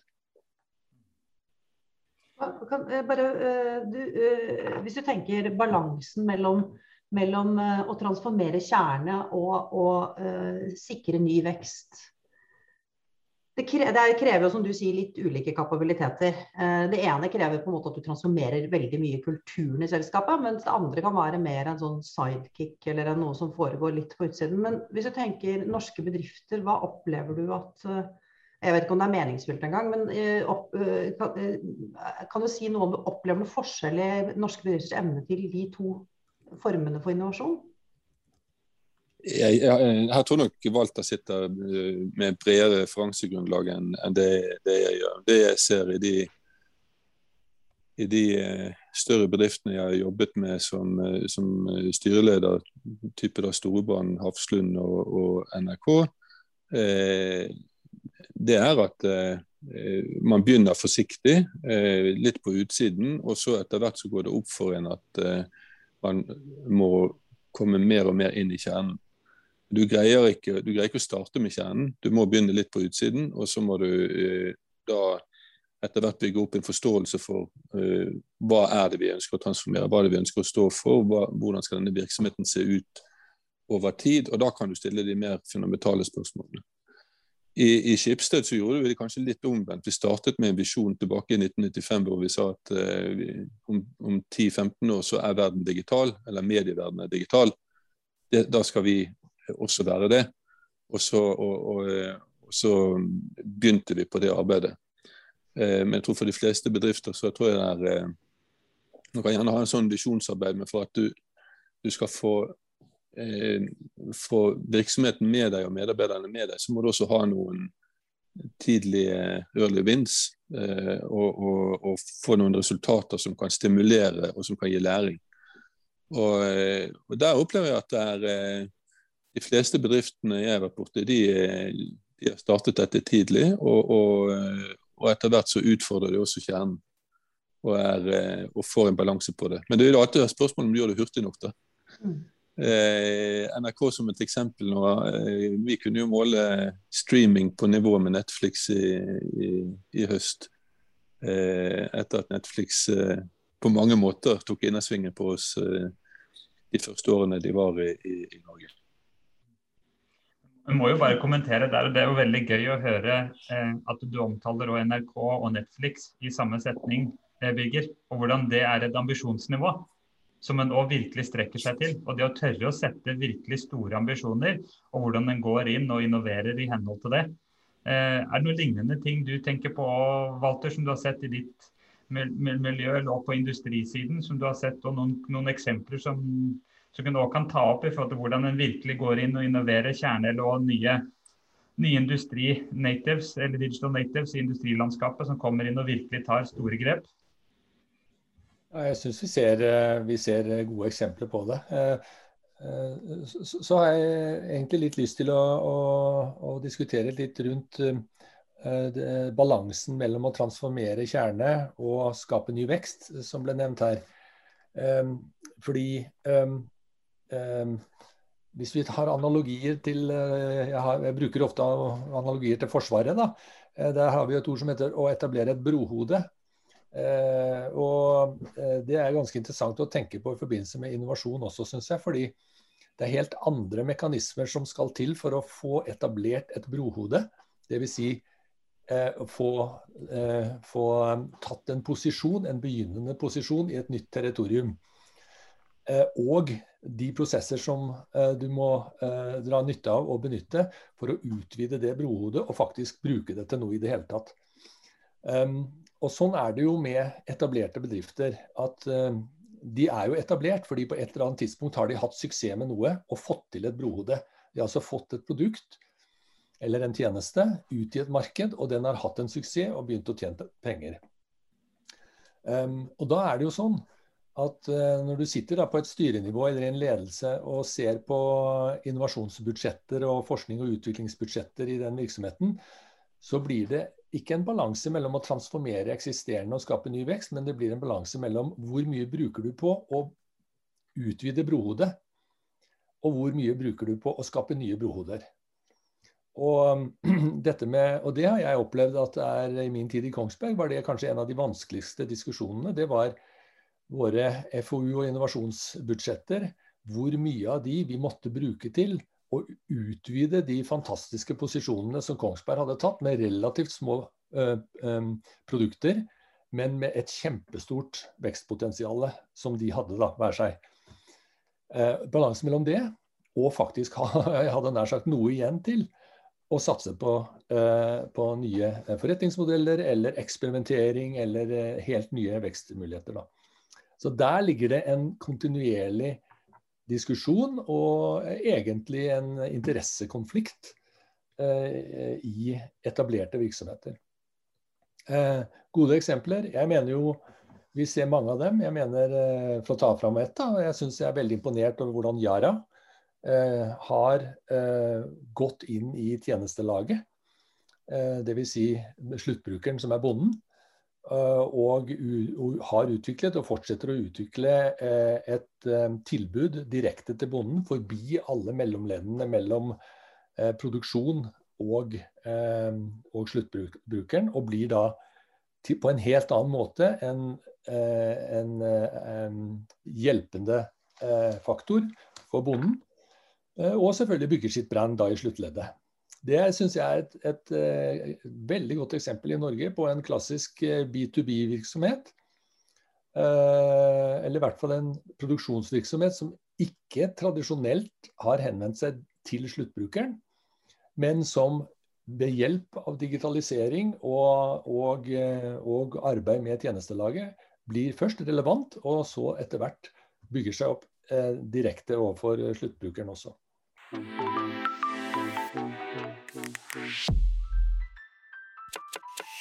Altså, eh, en, en, annen dimensjon ved, eh, ved, innovasjon, det er Vi snakket, vi hadde Kristin Skogen Lund fra Skipsted i en podkastsamtale tidligere. Og hun, hun snakket litt om, om, hvordan de innoverte på toppen av etablerte kapabiliteter. Altså, Skipsted har jo både etablert de har jo et distribusjonsnett for å distribuere fysiske papiraviser, eh, som, eh, som, selvfølgelig eh, over tid blir mindre og mindre relevant, eh, gitt at flere og flere leser digitalt. Men de vet at de har et åpningsvindu. De har tilgang til alle, eh, alle dører per i dag. Og det har de brukt til å innovere denne Helt hjem-plattformen, som er en last mile-plattform for e-handel.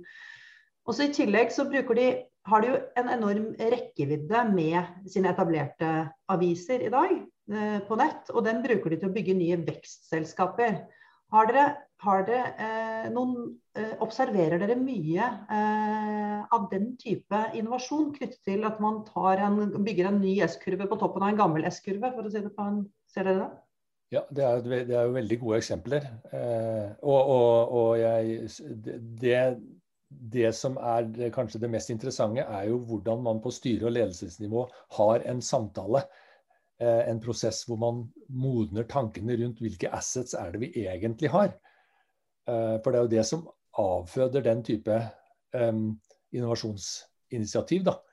Eh, ofte så er det jo er det jo uh, sånn at man kanskje ikke engang er oppmerksom på disse, disse uh, etablerte posisjonene som man har, fordi man har hatt dem så lenge. Så jeg synes, eh, jeg, men jeg tror dette er noe som eh, skjer Når jeg nevnte disse eksemplene med brohodet, så tror jeg faktisk det er ofte sånne ting som, som oppstår. At eh, man, man etablerer nye S-kurver, som du sier, oppå de eksisterende. da.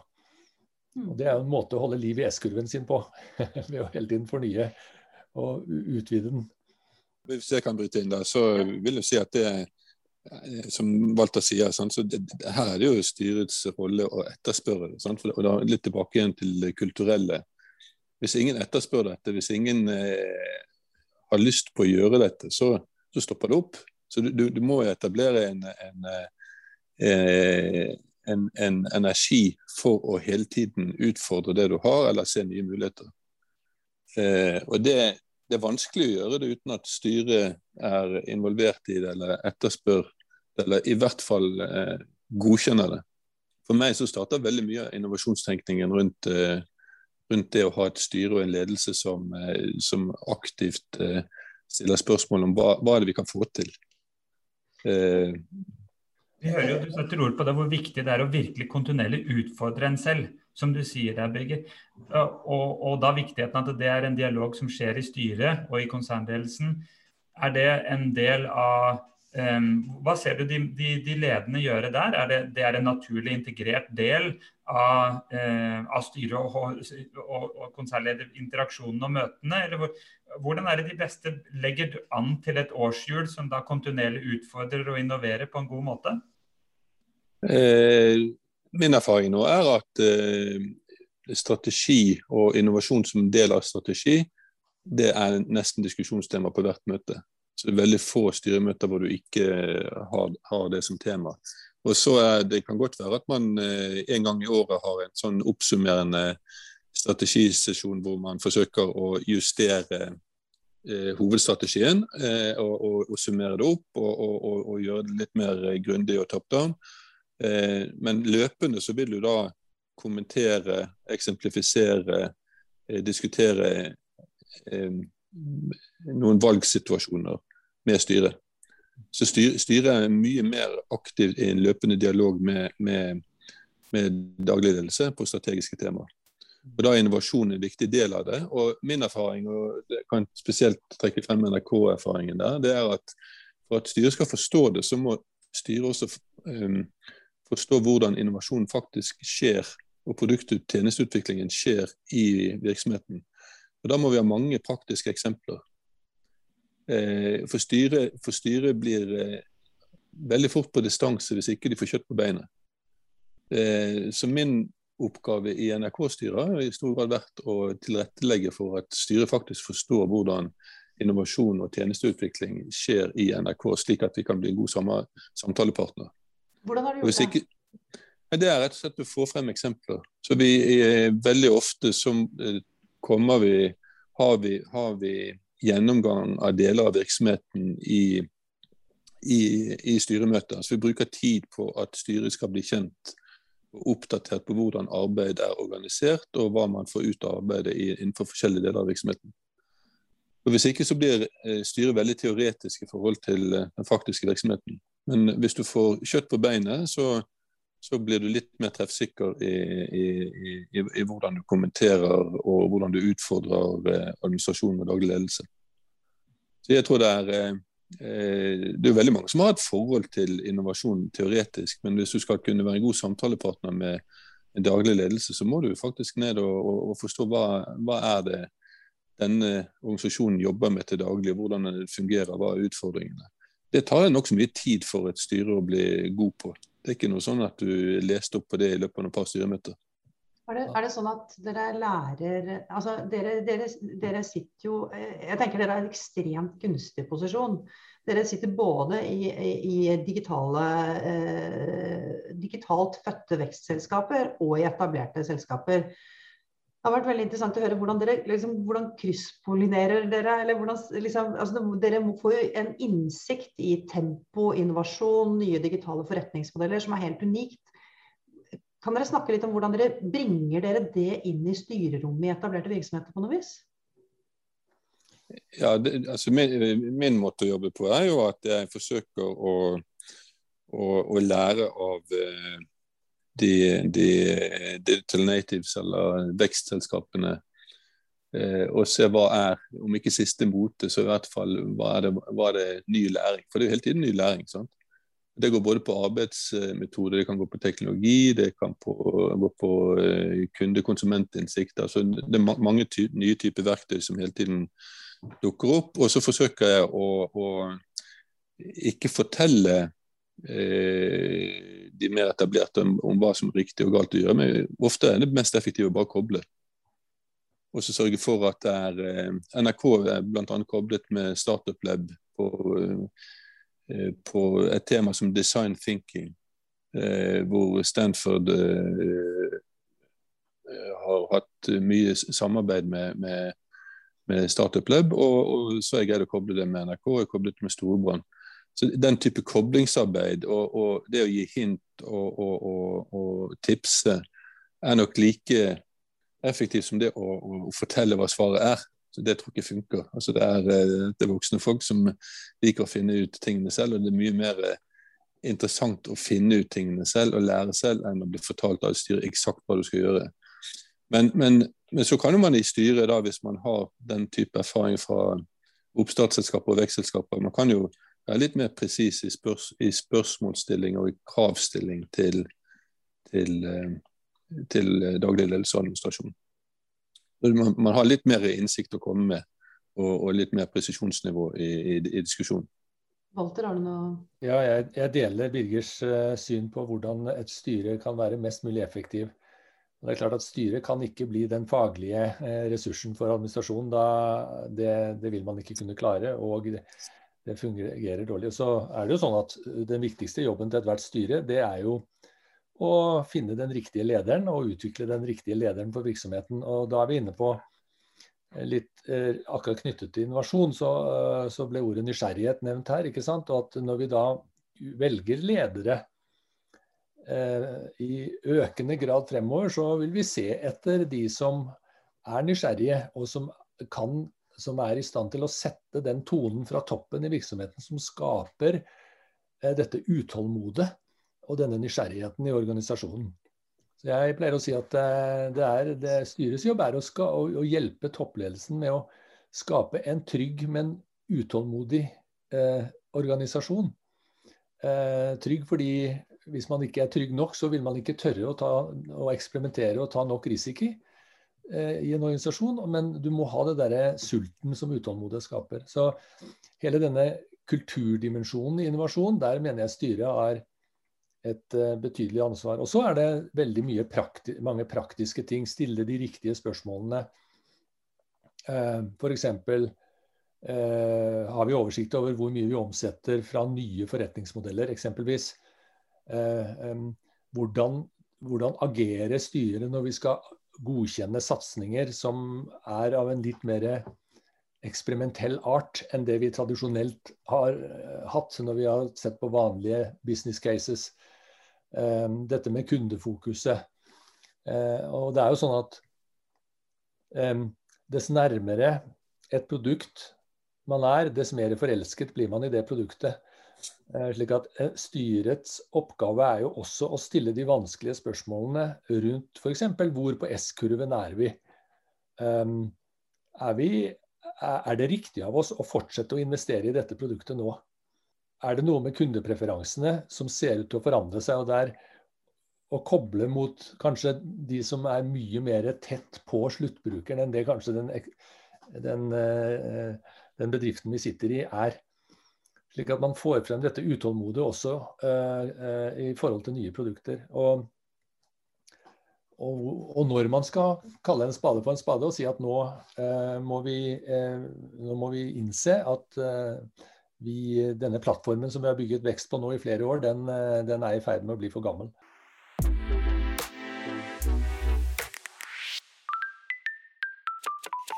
Mot reisen må bli bioniske selskaper, den sammensmeltningen menneske og maskin, og virkelig kunne ta inn over seg digitalisering og kontinuerlig innovere. Hvordan ser dere på viktigheten av økosystem? For, for, mange kan jo si at en innovasjon ble i stor grad drevet av en selv, for en selv. Mens i dag så er det i veldig stor grad samarbeid med andre, og til dels så drevet av andre. Men hvordan er det den finner den riktige og gode balansen her? Og dere sitter jo begge i miljøer som er jo motorer for den, den økosystem og, eh, og, utvekslingen også i norsk industri.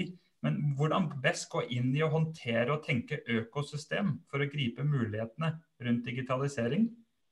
Hva er deres eh, erfaringer der? Birger, ønsker du å begynne?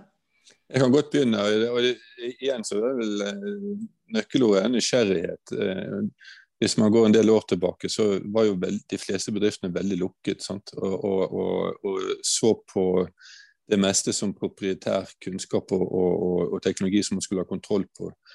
Jeg husker jeg gjorde en del studier, det var vel Procter Gamble som begynte å åpne opp. og Intel også begynte å, åpne opp rundt eh, 15 år tilbake. Og, da ble begrepet open innovation Eh, ty tydelig etablert. Eh, og etter hvert så er mange bedrifter kommet i den, den, den retningen. Kan, og Mye av dette handler jo om system, å sette ting i system. Men det handler også like mye om, om nysgjerrighet og kultur for å lære av andre. Og så handler det om å, å være villig til å dele. Det jeg har sett eh, i, min tid, er vel at eh, hvis jeg går tilbake til Skipsted, så var noe av det viktigste vi fikk til der, det var en delingskultur mellom selskaper som tidligere konkurrerte. Så Vi fikk en læringskultur og også etter hvert en evne til å innovere og til å utvikle selskaper, produkter og tjenester på tvers av tidligere konkurrenter. Eh, det var, det var på, I Skipsted var det en revolusjon. for det type VG og Aftenposten de, de levde av å konkurrere med hverandre. Var, de, var de var bitre fiender. Men etter hvert så fikk man etablert uh, selskaper hvor man kunne gjøre ting sammen. E24 var f.eks. en sånn innovasjon uh, eller produktutvikling. I, uh, I, business to business og, og, og, og mer norsk industriell industriutvikling som ikke er konsumentorientert, så, så, er jo noen av de eksemplene som nå dukker opp med, med datainnsamling og plattformer for data, type Cognite, veldig interessant. Hvor, hvor, man åpner opp og man ser at verdien av å samle data på tvers av bedrifter og virksomheter har, har, har veldig stor verdi. Det kan kanskje Walter si litt mer om. Ja, altså Først for å ta direkte på spørsmålet om betydningen av økosystemer. Den, det, den, den er sterkt økende, mener jeg. Og det, det, det, som kanskje driver det mest, er akkurat det du sa nå, Birger. At hvis man skal skape verdi av data, så må man innse at man antagelig i sin egen bedrift sitter bare på en liten fraksjon av den datamengden som, som er nødvendig for å virkelig eh, skape verdi av det. Og da, da, må man gå noen runder med seg selv. da. Uh, og finne ut hvem man kan jobbe sammen med på en mer effektiv måte. Så Vi ser jo det i Digital Norway har jo nå uh, fått i oppdrag sammen med Digitaliseringsdirektoratet å, å etablere det som vi kaller Datafabrikken, som er egentlig en, en, en arena og en kompetansehub for hvordan små og mellomstore bedrifter skal få hjelp til å finne andre, og ikke minst bygge kompetanse på hvordan man kan skape verdi ut av de dataseriene man selv og sitt, sitt nærmeste økosystem da, eh, er med å bygge. Og, og, det vi ser er jo at dette er veldig mye operativt, praktisk, eh, down to earth arbeid for å få det til. Fordi den kulturelle motstanden i enhver virksomhet er ganske stor mot eh, å eh, dele og, og, og, gå for nært og samarbeide med hverandre. Men det, det går fremover, men eh, man må bare være oppmerksom på at det er mye praktisk eh, arbeid involvert for å få det til å skje. Det er veldig interessant å høre eh, hvordan dette med kultur, bare følge opp på det. For det, det, det, er jo en sånn Det er jo en veldig stor eh, mindset-skift fra et stort, etablert selskap. Nå, nå, Digital Norway er jo ikke nødvendigvis så store bedrifter, men, men, et selskap som er vant til å konkurrere, og som er vant til å behandle, behandle samarbeidspartnere som på en håndlengdes håndlengdes avstand. Um, til å skulle åpne opp, ha tillit, ofte også sette seg i en posisjon der de ikke orkestrerer økosystemet, men bare er en partner inn. Hvordan jobber dere med kulturene for å, kultur for å, få, for å modne bedrifter på dette området? Ja, Nei, altså Digital Norway er jo, hva skal jeg si, er jo en, en, eh, et verktøy da, for bedriftene å få dette til. Eh, og er jo selv eh, er jo er jo hovedfokusen i Digital Nova er jo nettopp å bryte ned de barrierene og skape arenaer hvor, hvor, man kan eh, komme over denne motstanden og bygge kultur for deling. Eh, og så er det jo ikke sånn at hvis jeg skal ta litt eh, eh, sammenligning fra min tid i Kongsberg, så er det jo absolutt ikke sånn at eh, man ikke der har funnet frem til slagkraftige økosystemer. Og jeg tror eh, på de på de betingelsene som industrielt har vært i rådende i mange år, nemlig at man skal skape en samarbeidskonstellasjon som er oversiktlig og vinn-vinn. Eh, og Kongsberg samarbeider jo med de største selskapene i verden på, på forsvarssiden f.eks. For og har en fantastisk eh, balanse, funnet en riktig balanse med disse, som gjør at det er blitt vinn-vinn. Men det er et stykke derfra til det du beskriver som et økosystem, hvor, eh, hvor det er mange aktører som, som, er involvert, og hvor det hele er mye mer uoversiktlig. Eh, eh, der har vi mye å lære, tror jeg, av, av den, de digital native-selskapene som, som, har kommet lengst. Litt tilbake til de praktiske tingene du òg, som, som, du nevnte, Walter, i forhold til hvor viktig det er å legge til rette for det, for å muliggjøre en samhandling. Hva er noen av de praktiske tingene som, som en må tenke på? Det er jo svært, enkle, svært enkle ting som regel. Da. Det er jo eh, eh f.eks. grensesnitt.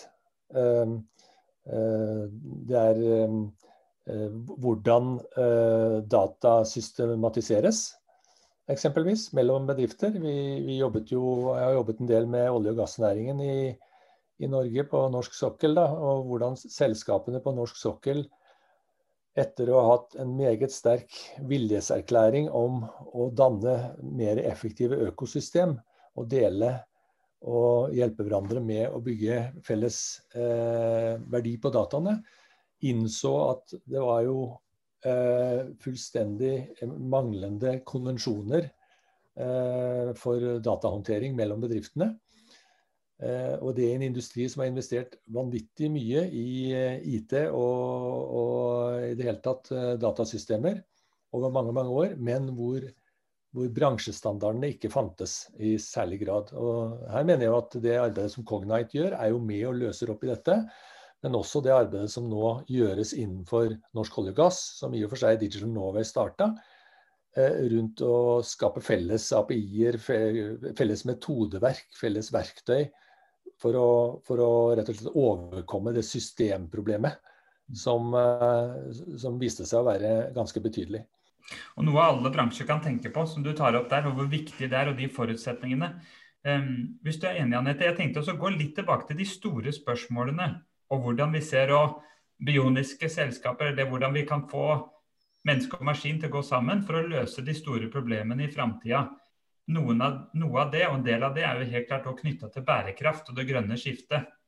Og igjen, her sitter dere begge og i en veldig spennende posisjon. Vi vet, vi vet, at det er veldig viktig for dere begge å kunne være med og drive eh, for framtiden. Og, og, din rolle også her, tenker jeg, Birger, for å høre dine perspektiver først. Nå styreleder i Norsk Klimastiftelse. Hvordan, hvordan ser du digitalisering og, og, og og den innovasjonen der er med på, og hvor sammenhengende er det med å kunne løse bærekraftsproblemene vi står overfor? Det er klart at Teknologi gir jo utrolig mange muligheter for å, å løse, løse, det. Og, eh, nå er jeg ikke noen ekspert i, i, i, i, deler av den eh, teknologien, men eh, for norsk industri så er jeg overbevist om at eh, kombinasjonen av det å være tidlig på ballen på digitalisering og også se forretningsmuligheter knyttet til bærekraft og kombinasjonen av de to tingene, gjør at veldig mange selskaper har, eh, har mange, mange, muligheter. Og Cognite har jo nå blitt nevnt som et eksempel her. Jeg kjenner ikke godt nok til hvordan de vil jobbe, men eh, gitt at Røkke nå også beveger seg inn i mer bærekraftige Eh, løsninger, så er det helt opplagt at eh, Cognite også antagelig vil få oppgaver som er knyttet til, til grønn teknologi, og ikke bare til eh, tradisjonell offshoreindustri. Eh, eh, jeg har ikke noe konkret og, eh, svar som kan, kan, fortelle akkurat hvordan man skal gjøre dette, men det interessante er at når man kombinerer de to kreftene som du refererer til, digitalisering og, og og klimautfordringen, så blir det omstillingsbehovet og omstillingskraften som er nødvendig for næringslivet, den blir jo nokså mye mer dramatisk enn den har vært tidligere. Så dette er, eh, dette er muligheter som, eh, som eh, industrien kan nyttiggjøre seg av. Et eksempel av oppstartsbedrift som jeg kjenner litt til, er jo Ottovo, som begynte kanskje som et analogt selskap, men grønt selskap. Eh, og etter hvert forsto at eh, en digital plattform var den eneste måten man kunne skalere til eh, å bli en internasjonal aktør. Så Det er et, et, et eksempel på hvordan eh, man kan nyttiggjøre seg det grønne skiftet, og også eh, kompetanse om, om digitalisering og, og plattformutvikling. Og det, jeg tror det kommer til å bli veldig mange av den type selskaper. Jeg kan eh, legge til at eh, eh, det er en veldig sterk kobling mellom de to, mener jeg. Altså, EU e snakker jo om dette, de transformasjonstvillingene. Det grønne skiftet og digitalisering. De griper inn i hverandre. Et, et, jeg synes et veldig morsomt eksempel er Ålesund eh, region, som, som, jo har, utvikler en egen digital tvilling for hele regionen. Eh, og denne digitale tvillingen den kan de da bruke til å simulere utslipp, eh, avtrykk, eh, befolkningstetthet og hva det måtte være, forurensinger. Og, og, simulere hvordan de virker på hverandre. Universitetet i Oslo sammen med Digital Novel bygger jo nå opp en digital tvilling, det kommer til å ta mange år, men over Oslofjorden eksempelvis. For å kunne bruke digital, avansert teknologi til å prøve å få svar på noen av de virkelig vanskelige spørsmålene, som jo er komplekse økosystemer. eh, naturens systemer, som jo er veldig vanskelig å simulere. Så det henger veldig tett eh, eh sammen, dette. Og, um, eh, og jeg syns det er ja, um, det er jo viktig å legge merke til hvordan um, nasjonalstatene og EU da, her i Europa um, uh, setter av midler til å drive denne utviklingen. Uh, og noe av det vi uh, hva skal jeg si, drar nytte av nå, da, og kanskje spesielt i USA, med den enorme innovasjonstakten som har vært med utgangspunkt i Silicon Valley, det er jo store statlige programmer mange år tidligere innenfor forsvar og romfart osv. Og, så og infrastruktur, som er plattformen for en mer kommersiell innovasjon. Og med Green Deal i Europa nå, med den med norske regjeringens eh, prioritering av forskningsmidler, så oppstår igjen denne type situasjoner hvor du får økt innovasjonstakt, men hvor vi ikke må undervurdere statens betydning som både innkjøper og beslutter av store infrastrukturprosjekt f.eks. Og statens betydning i å eh, styre forsknings og, eh, altså forskningsmidlene, som eh, i Norge da er veldig mye Forskningsrådet som, som eh, distribuerer. For det er jo sånn at, eh, at eh, den norske industrihistorien henger Det er en veldig tett knytning der mellom det som har vært suksess for AS Norge, og eh, tunge forskningsprosjekt over mange, mange år. Enten det er flerfasestrømming eh, rundt rørledningsteknologien eh, eh eller, eller, andre ting, da, altså ut fra Trondheimsmiljøet veldig mye. Et spørsmål helt på tampen. Som styreledere, hvordan jobber dere for å fremme innovasjon i styrene deres? Altså, vi ser jo at bedrifter, eh, noen bedrifter har, eh, sier at eh, en viss prosentandel av inntektene skal komme fra nye produkter, eller tjenester og produkter som er yngre enn fire år, eller forretningsmodeller som er yngre enn fire år. Vi ser at noen jobber med modeller der de sier at en viss prosent av innovasjonen skal komme fra kjerne, en viss prosent skal komme fra adjacent, og en viss prosent skal komme fra nye eh, forretningsmodeller. Bruker dere noen denne type verktøy, eller er det andre metoder? Dere må svare litt fort på dette. Ja, eh, jeg kan godt begynne. Eh, måling er opplagt viktig, og så er hvordan man måler. Det må jo variere litt fra virksomhet til virksomhet hva som er relevant og hvilken fase virksomheten er i. Eh, men jeg tror det starter med å bruke tid i styret. Sette tid i styret. Altså Det er innholdet i styremøtet som er det viktige. Hva man bruker tid på å diskutere. Er, er det oppfølging av, av og eh, compliance og, og, og, og, regnskap, eller er det diskusjoner om hvordan man eh, skal organisere seg for en annen fremtid? Eh, og så er det litt som vi har vært inne på tidligere her, hele, hele eh, kultursettingen. Sant? Altså det å sette, sende riktig signal. Eh, Walter var inne på det. Det må være lov å feile. Sant? Vi må etterspørre, vi må etter, etterspørre bevegelse, og så må ikke vi måle på feil. Eh, styret er eh, på mange måter en tonesetter. så Hvis vi bruker tiden til å etterspørre at ting skjer, og at det er innovasjonskraft i virksomheten, så er det er i hvert fall et godt startpunkt. Og Så får vi forsøke å måle så godt vi kan på hva, hva det avstedkommer.